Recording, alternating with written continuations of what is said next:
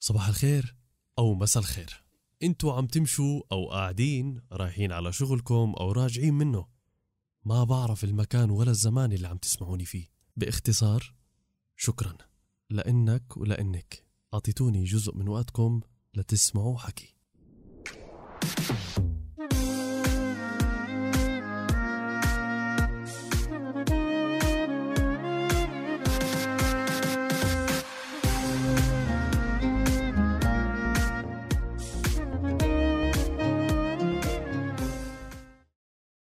تسمعوا الحلقة الثالثة من حكي واللي راح تكون بحضرة عنقاء من الجليل بفلسطين. ولدت سنة 1966 بمدينة الناصرة. عاشت حياة المقاومة بكل أنواعها من مقاومة الظروف الصعبة لمقاومة العدو المحتل ومقاومة الصمود لنشر رسالة النضال والحق الفلسطيني في مختلف أنحاء العالم حتى مقاومة المرض. أوصافها كثيرة لأنها نابعة من الوجدان الفلسطيني الحر. ضيفة حكي قدمت التراث والقضية الفلسطينية بأبهى صوت وصورة فأصبحت شخصية العام بأكثر من دولة وسفيرة سلام. مثلت المرأة الفلسطينية بقضيتها بكفاحها بمقاومتها بجمالها بجدها واجتهادها. ومثل ما يقال لكل من اسمه نصيب. وهي أخذت كل النصيب من اسمها العربي الأصيل كما الغزالة البيضاء جميلة العيون. وكمان ولا أحكي لكم تعالوا نسمع ونستمتع مع بعض بهالحكي مع ريم بنا. أمر عبر الحلم أمر عبر الحلم. خلف الليل المعشوش بفوق جدارات الغمام.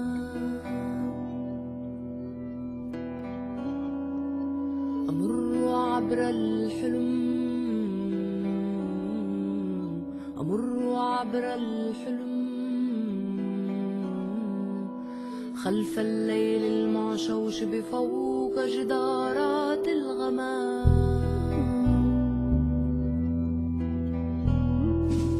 ولملم زغب اليمام. ولملم زغب اليمام. ولملم زغب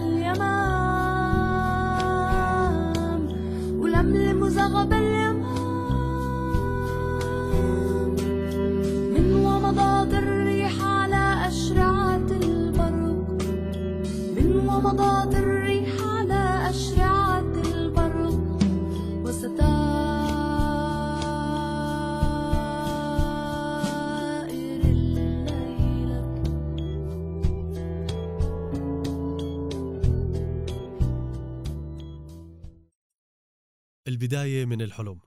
كأنك عم تحكي القصة وكيف نشأت فكرة ريم بنا. هاللحن اللي انت عملتيه وتوجتيه بكلمات من قلم والدتك الشاعرة الفلسطينية زهيرة صباغ.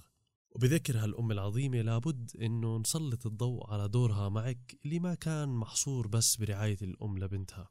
بل بتكوين وتشكيل هالتوجه اللي صار صوت لفلسطين لف العالم. ريم بدي أسألك أنت كنت متخيلة إنك رح تصيري هيك؟ ولا كان بخيالك شي مختلف؟ كنت بدي أكون آه، إشي تاني. كنت هيك آه، صبية تحب الحرية تحب تنزل على المظاهرات آه، زي كتير فلسطينية وفلسطينيات. فكنت نحب يعني نصير فدائية مثلا يعني. هيك بتفكير المراهق المتسرع وال مش إنه أنا ضد المقاومة وضد إنه الواحد يكون فدائي بالعكس. أصلا كل واحد فينا بفلسطين فدائي بالمنحى وبالمجال تبعه. فوالدتي شافتني أنا بحكي كفاح مسلح ونحب نصير فدائي. يعني شوي فاتت بالحيط أنا وحيدتها في البيت و يعني هي ممكن تنزل على مظاهرة تعتقل بس مش اولادها الصغار. فكانت عم تحاول تقنعني وتقول لي لا بالغناء ممكن الواحد يعني كمان يكون هذا مقاومة و وهذا كمان يعني نوع من العمل ال- الفدائي والمقاوم من أجل فلسطين. غناء ومقاومه كيف تزبط يعني انه مش راكبة على راسي يعني. المهم ضلت هيك تحاول دائما تقنعني في هذا ال- المسار. وبتذكر مرة آه، كان في مهرجان آه، هيك تراث فلسطيني فقالت لي بدك ت- يعني قالت لي شو رأيك تغني تهاليل فلسطينية اللي هي يعني ما حدش طلع غناها على المسرح قبل هذا قبل. وأنا فعلا كنت أول فنانة فلسطينية بتطلع على المسرح بتغني تهاليل. أكيد والدتك كانت تهللك قبل ما تنامي. تهليلات الأم الفلسطينية اللي بتختلف بالطابع والكلمات لأنها عبارة عن حوار الأم المثقلة بهموم اللجوء للمنفى أو الغربة والحنين لفلسطين وغيرها. المستمع إلها طفل رضيع. الهدف إنه ينام. هون تبدأ صناعة الفكر المقاوم. تهليلة بينام معها الطفل وتوقظ اللاوعي عنده. وانتي سمعتيها وضلت باللاوعي عندك. لصرتي بالفعل مقاومة. تتذكري شو كانت التهليلة؟ يا ليل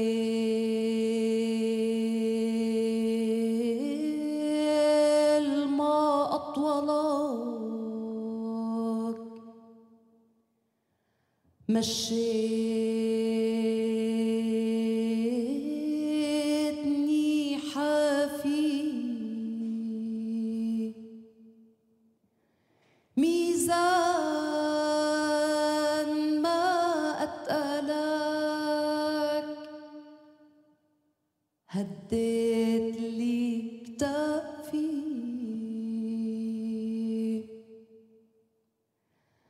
دابت حشيشة قلبي لجلكم دابت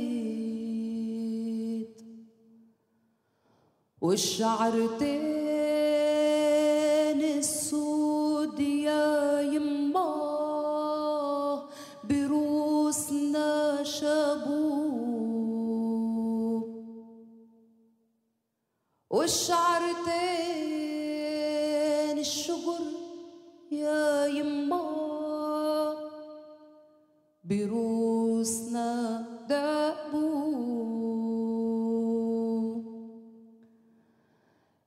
تحسبون طالت الغربة يا يما ونسيناكو. وكل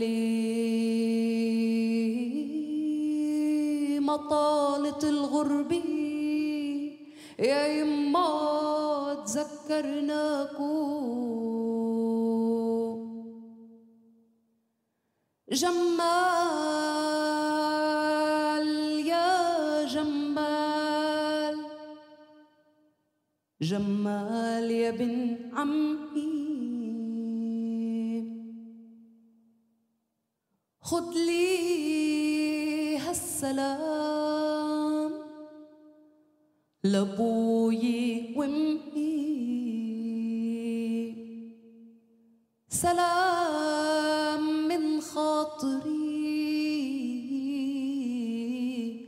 كلام من تمي.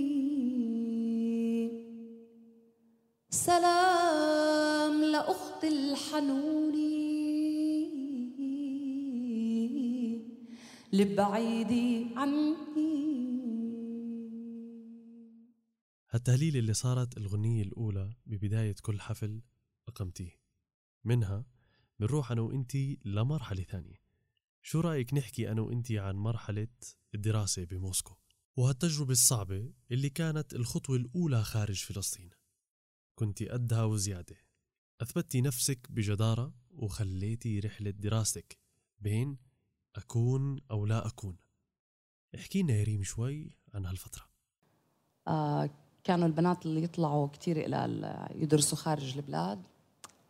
وطلعت وتعذبت كتير بالأول آه لأنه بدي أتعلم موسيقى وغناء. والروس يعني عندهن آه، بتعرفوا اللي يشتغل يعني عامل نظافة أو ها يعني كله بيعزف جيتار ولا بيانو يعني كلهم مثقفين موسيقيا مش زي حكايتي. يعني ما عنديش خلفية موسيقية نهائيا غير إني أنا بغني بس عندي صوتي. المهم ما أعطونيش آه، غرفة وتشردت سنة كاملة وأنا ما عنديش مكان أنام فيه. وأهرب آه، كل فترة من اللجنة اللي تيجي تفحص مين في مهر يعني ناس آه، غير قانونيين وشرعيين بعيشوا في مسكن الطلبة. وتشردت وتعذبت كتير وكل يوم أنام في مكان و يعني كان وضعي كتير صعب. كله من شان الحلم تبعي اللي كنت حابة إنه ألاقي مسار إله اللي هو كيف ممكن أخدم فلسطين عبر الغناء والموسيقى. هذا كان همي الأول. بالنهاية أجا يوم قالوا لي لازم تروحي خلص لازم نروح على المعهد وتغني قدام الجربة يعني يمتحنوكي بلكي أخذوكي في في المعهد الموسيقى. فبتذكر دخلت كثير معاهد طبعا. آه، معهد الكونسرفاتوار غنيت أنا ومن قلبي يعني. فقام بيقول يعني اللي كان عم بيحضر من الأساتذة قال لي قال بس عفوا يعني هون المكان بس لحدا بغني من غير مايكروفون يعني لما تغني تسمع القاعة من غير مايكروفون قلت له طب شو الحل؟ قال لي في معهد آخر موسيقى حديثة فممكن تروح تسجلي فيه. رحت طبعا غنيت وفي لحظة حسيت صرت بدي أبكي لانهم قاعدين يمتحنوني ويجربوا ويقولوا يعني مش عاجبين وهيك شو هذا إنه إنه هاي مش هالشيء ف وحسيت إنه بدي يعطوا رايهن إنه لا يعني. فقمت وقفت أنا بحكيش بالروسي كنت بس كان في رفيق صديق معي هو كان عم يساعدني فقلت له ترجم لهن. قل لهن إذا بدهنش يخلوني في المعهد وبدهنش يعلموني موسيقى أنا راجعة على فلسطين أنا مش راح آخذ موضوع تاني. ضليتي وقبلوكي وخلصتي دراستك بتخصص الغناء الحديث وقيادة مجموعات غنائية. تجربة تركت أثر كبير داخلك. ومنها لفلسطين للناصرة بالتحديد. وأول ما رجعتي كان الموعد الأول مع صوتك. مسكتي هالجيتار جبتيه وغنيتي الحلم أمام من كتبها والدتك زهيرة صباغة. بس هالمرة ملحنة منك. وهون فعليا بدأ مشوار الفنانة الفلسطينية ريم بنا. وإنك تكوني فنانة بفلسطين بتغني وبتنقلي فنك من مكان لمكان إلها واقع ومعنى مختلف بفلسطين. صح؟ أنا لأني موجود بفلسطين تحت حصار وتحت قصف وتحت جدار واحتلال ومصادرة أراضي واعتقالات وقتل. فأكيد إنه أنا ما بقدرش أكون مغنية يعني بتطلع على المسرح هيك بتلبس هدول وبتغني هيك عن الفراشات والعصافير والأشياء الحلوة. وأنا شعبي عم بتدبح بقدرش. ف حبيت إنه أنا أكسر كل هاي الأشياء اللي متعودينها على الفنانين اللي بحبوا يطلعوا على المسارح وهيك. فقلت لا أنا أنا ما بقدرش أكون هيك. فمن الأشياء الأولى اللي عملتها خاصة بعد الانتفاضة الثانية إني أنا نزلت على المخيمات. تحت القصف وتحت يعني كانت الاباتشي بتقصف وقناصة وكان الوضع كثير صعب. ونزلت على مخيمات اللاجئين. آه، في أربع مخيمات لاجئين جمعنا فيهم كل الأطفال اللاجئين وغنيت للأطفال. أغاني مش عن المقاومة أغاني للأطفال يعني أغاني محض للأطفال. آه، كانت نوع من التخفيف عن المعاناة تبعتهم لأنه كمان أنا ممكن أبث لهم هاي الشرارة اللي تعود يعني تحسسن إنه لا إحنا مش لازم أصلا نخاف منهن. يعني في عنا التحدي بحبنا للحياة وإنه إحنا قادرين نغني حتى لو عم بقصفوا جنبنا. أول شيء أنا إنسانة قبل ما أكون فنانة. والإنس و... و... الفنان مش بس لازم بس يعني يغني ويعمل موسيقى ويطلع يعني هذا بصير في عنده انفصام أو عنده فصل عن الواقع تبعه. أنا اللي بدي أقول لكم إياه إنه لازم الإنسان ينقل الواقع تبعه وين هو موجود عبر الجانب الإبداعي تبعه ينقله للناس ينقل قصص آه، بلده. فكتير مهم إنه ينتقل هذا الشيء بشكل يعني بإبداع وبتأثير موسيقي وفكري على المستمع. ريم هون بدي أروح معك لنقطة مهمة. بما إنه حكيتي عن كيف كنت تروحي تغني للأطفال. النقطة هي كيف وثقتي قصة بأغنية مش أي قصة. إنك تحكي عن طفلة فلسطينية ما شافت من الحياة غير ربيع واحد وكم شهر. استشهدت برصاص قناص إسرائيلي أراد اغتيال والدها فوصلتها شظايا الطلقة وتوفيت في الحين. أثرت القصة في الشاعرة الفلسطينية زهيرة الصباغ. وكتبت تخليدا لسارة إدانة للوحشية في قصيدة غنيتيها ووصل صداها وذكرى سارة لكل أنحاء العالم.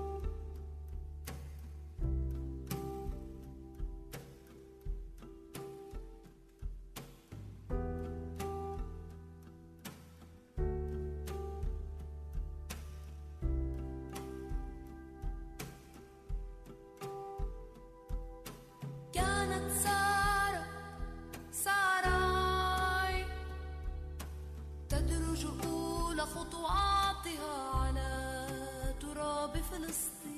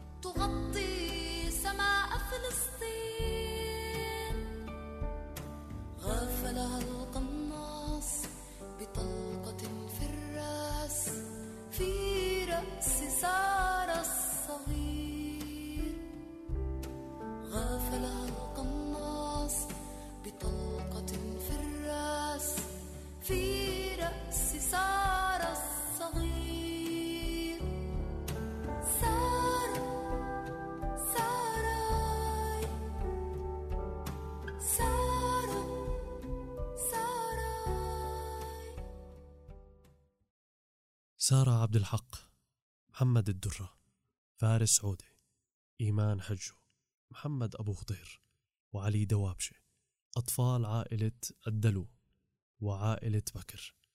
أسماء بارزة لشهداء من أطفال عالقة في الأذهان. لا يمكن أن تسقط من الذاكرة الفلسطينية. جيل بعد جيل حتى أضحوا رموز للنضال الفلسطيني من أجل نيل الحرية. وتجسيد لوحشية الاحتلال الإسرائيلي وجبروته وصمت وربما تواطؤ المجتمع الدولي. بيلسان والتوأم قمران وأور سالم. أسماء أولادك وبدي أتوقف عند أور سالم شوي. الاسم الكنعاني للقدس. بالتأكيد القدس إلها المكان الخاص عندك. هون الأسماء وحدها بتبدل إيقاع القصيدة. وهون المجاز ضيق في حضرة المعراج. فيكون أن تحمل القدس كل الأسماء مثل أور سالم حصن يبوس مدينة الله وبيت المقدس وأكثر من هيك. أسماء تدل على عظمة هالمدينة وزي لما تفتح أبوابها على بيارات الليمون ليمون فلسطين المشبع برائحة الأرض وليمون أهلها المشبع بريح الأمل. ريم كيف رح تحكي لنا عن القدس؟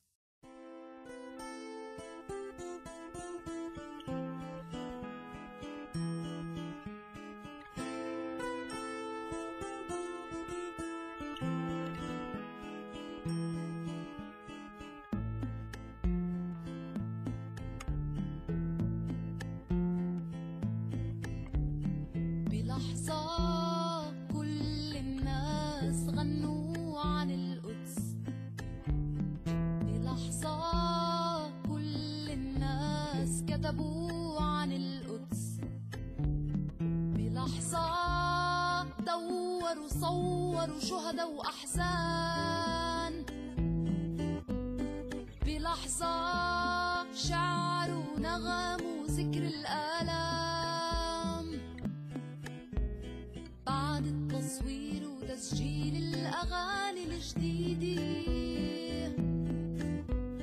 بعد ما انكتبت عناوين وتقارير الجريدة. وحدها بتبقى القدس ناطرة الناس اللي راحوا. بتبقى القدس تحلم برجوع اللي راحوا. إحنا مش فرجي لحدا إحنا مش لحدا. إحنا مش فرجي لحدا إحنا مش لحدا.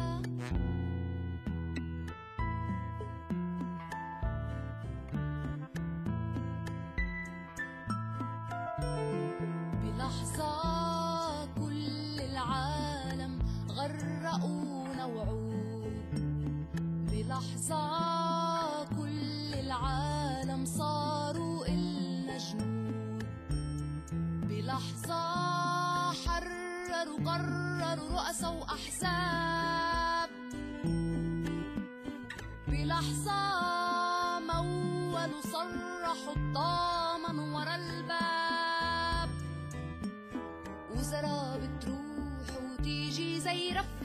الحمام وغضب اللحظات واضح عوجوه الحكام. شو بقي وما صار؟ تظاهر مع الشعب وجراحه. شو بقي وما صار؟ نستهجن نستنكر قتل اللي راحوا مش فكرة لحدا. إحنا مش لحدا. إحنا مش فكرة لحدا. إحنا مش لحدا.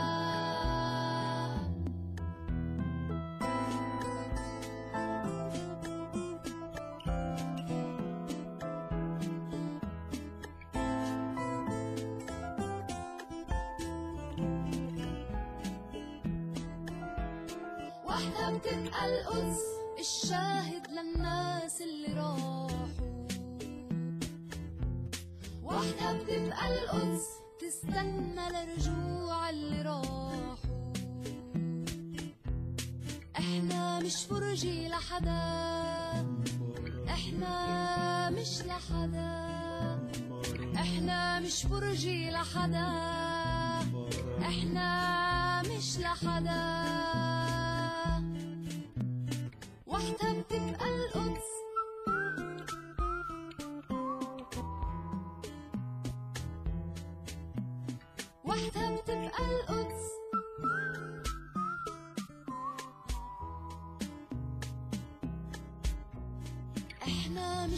فكرة لحدا. إحنا مش لحدا. إحنا مش فكرة لحدا. إحنا مش لحدا. وحدة بتبقى القدس. بدي أروح شوي لقصة أنا وإنتو. بال 2008 بوقت كنت بإجازة الصيف بفلسطين وأنا ماشي بالتحديد بمدينة نابلس. قرأت على آرمة كبيرة إعلان عن حفلة راح تصير بجامعة النجاح الوطنية. راح تقيمها ريم بنا. بهالوقت أنا ما بعرف مين ريم بنا ولا شو الأغاني اللي بتغنيها. وحسب ما بتذكر الإعلان كان عليه صورة ريم بالزي الفلسطيني المطرز وعليها الكوفية والموعد زي بكرة. فقلت ليش ما بحضرها وبشوف. بس بصراحة كمان اللي شجعني إنه الجامعة قريبة من بيتي. يعني أبو خمس دقايق مشي بكون بنص الجامعة. رحت وشفت وسمعت تألق ريم بنا. بس القصة بآخر الحفلة لما نزلوا طلاب وطالبات الجامعة والناس اللي حضروا عند ريم وأنا كنت واحد منهم بطبيعة الفضول وصلت وقربت وصار بيني وبين ريم بعد خطوتين. اللي شفته إنه أي صبية كانت لابسة سلسال عليه خريطة أو علم فلسطين كانت تشيله وتلبسه لريم. وكمان الكوفيات والأعلام اللي كانت مع الشباب وعلى كتافهم حطوها على كتف ريم. بعد هالمشهد شوي وروحت ريم خلصت الحفلة روحنا وضل هالمشهد عالق بذاكرتي. ليش كل هالناس كانوا حابين يتركوا شي منهم معك؟ رح أحكي لكم ليش بس لما نخلص حكي مع ريم. ريم هلا الحب بالمعنى الأسمى تمثل بأغانيكي على أكثر من هيئة سواء لحب فلسطين.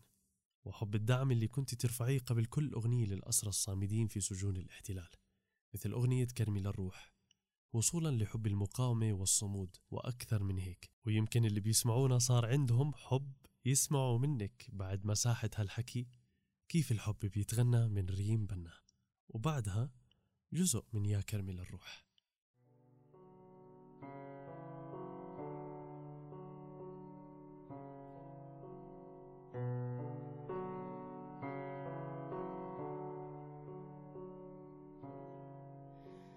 زدني بفرط الحب فيك تحيرا وارحم حشا بلظى هواك تسعرا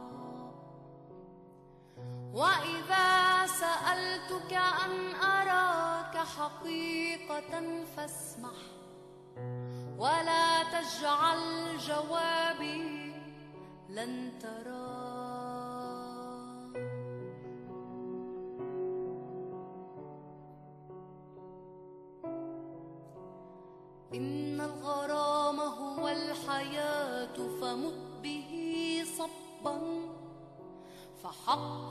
أن تموت وتعذرا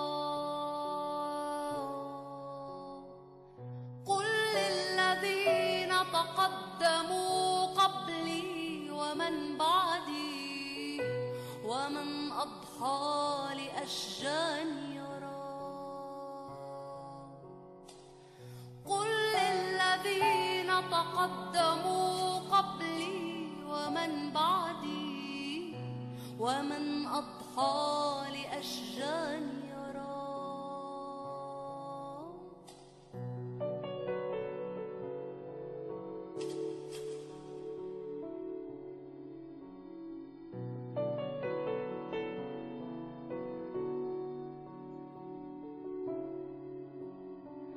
ولقد خلوت مع الحبيب وبيننا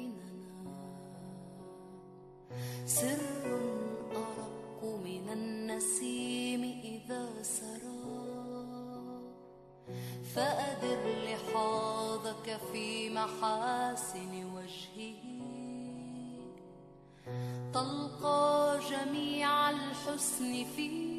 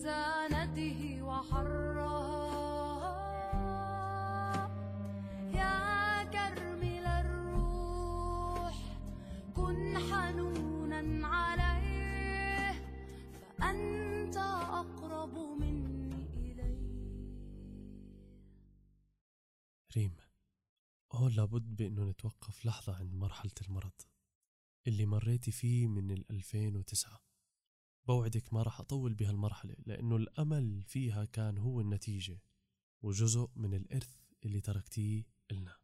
آه، أنا مرضت بالسرطان آه، سرطان الثدي وكان هذا كمان تحدي جديد. فبالأول رفضت وتعبت وزعلت وتضايقت وكنت أموت بديش أكمل بحياتي. بس بعدين قلت لا هاي الحياة تستحق إنه أنا أكافح من أجلها وهدول الناس يعني يستحقوا إنه أكافح من أجلهم. قلت لهم بدي تحبوني زي ما بتحبوني بحياتي هيك بشكلي كيف أنا بدي تحبوني كمان وأنا حالقة على الصفر. لأنه مش الشعر ولا ال- الشكل الخارجي هو اللي بعطي الجمال كمان الروحي اللي بتعطي الجمال. وهذا كان تحدي آخر وأنا كنت في مرحلة متقدمة يعني من المرض. وكافحت وانتصرت على المرض بابتسامتي. ريم الفنانة الفلسطينية قدمت تحف فنية أثرت فينا وتركت مكان خاص بقلوب كثير من اللي بيحبوك. ريم الأم اللي مارست دورها بكل تفاني حتى بالمرض. مصدر دخلك تحول بسبب فقدان صوتك للتطريز واللي أنتجتي كمان فيها جمال. ريم اللي ظلت ثابتة على مبادئها. حتى لما كنت تتفتشي بين الحدود من مجندين الاحتلال كنت تحكي لهم بإنه اللي بتدوروا عليه مش رح تلاقوه لأنه تحت المسامات بالدم. فلسطين بالدم. ريم الأمل. اللي تركتينا بآخر أيامك معنا حلقات خاطرة على القاطرة واللي بثيتي فيها أمل وحب وحياة. اللي بدي أحكيه بأنه اسمك سبق كل الصفات. وبهالوصية رح تسمعوا ريم بخاطرة على القاطرة عنوانها الولادة شكل من أشكال الفراق. في فراق الوداع. ضليت أدور على طريقة تخفف هالوجع. لقيت إنه بالعكس وقت بودع حدا بحبه أنا بكون بلشت أنقص عدد الأيام للقاء القادم. مين بعرف؟ يمكن بعد ما نفترق عن شخص كنا بعلاقة معه تنفتح أبواب جديدة قدامنا. ونحس إنه الأمور عم تتحلحل. أصعب أشكال الفراق هو الموت. طبعا منحزن ومنحس بالفقدان بس لازم نكون جاهزين لنكمل ولو من باب الوفاء إلهن لأنه أكيد أثروا فينا وكان وجودهن معبي أيامنا بالفرح والحب. اطلعوا من الحزن وروحوا للتفاصيل اللي بتعطيكوا بهجة وفرح. وما تنسوا بعد النهاية في بداية جديدة في حياة جديدة. من ريم بنا تمنيات تضل قلوب مجتمعة بالحب والحياة. إذا جواب سؤال ليش كل الناس كانوا حابين يتركوا شي منهم معك؟ اللي سألته لحالي بس شفت حب الناس إلك طلع بسيط. لأنك تركتي شي منك فيهم. وأكبر دليل على هيك بوداعك وقت تشييع جثمانك. رددوا الناس نشيد موطني وبكتب اسمك يا بلادي.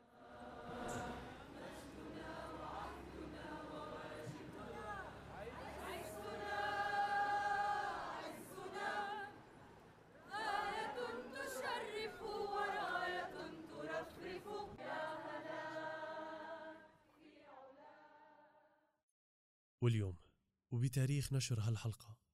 24 3 2021 بيكون صار لك غايبة عنا ثلاث سنين. هالحلقة تخليد لروحك وإرثك وفلسطينيتك ومبادئك اللي أصبح ما ندر نلاقي فنانين بيحملوها لأنه من الصعب بيحملوا مبادئ أثقل من أوزانهم. شكرا ريم بنا. شمس الهوى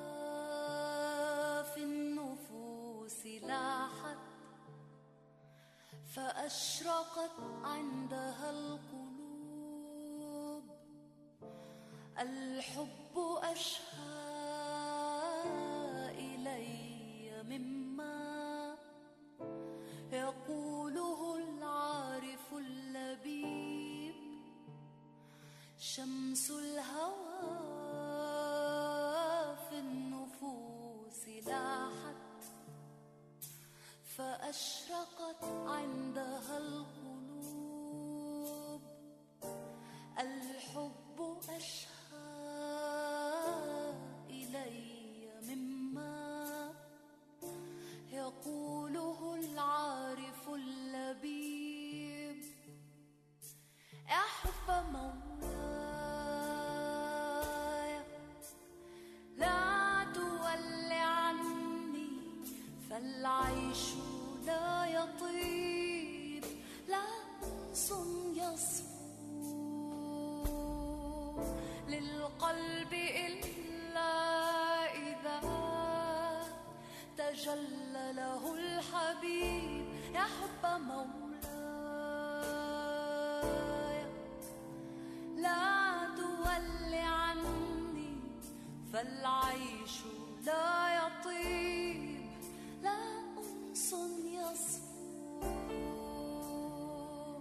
للقلب إلا إذا تجلى له الحبيب.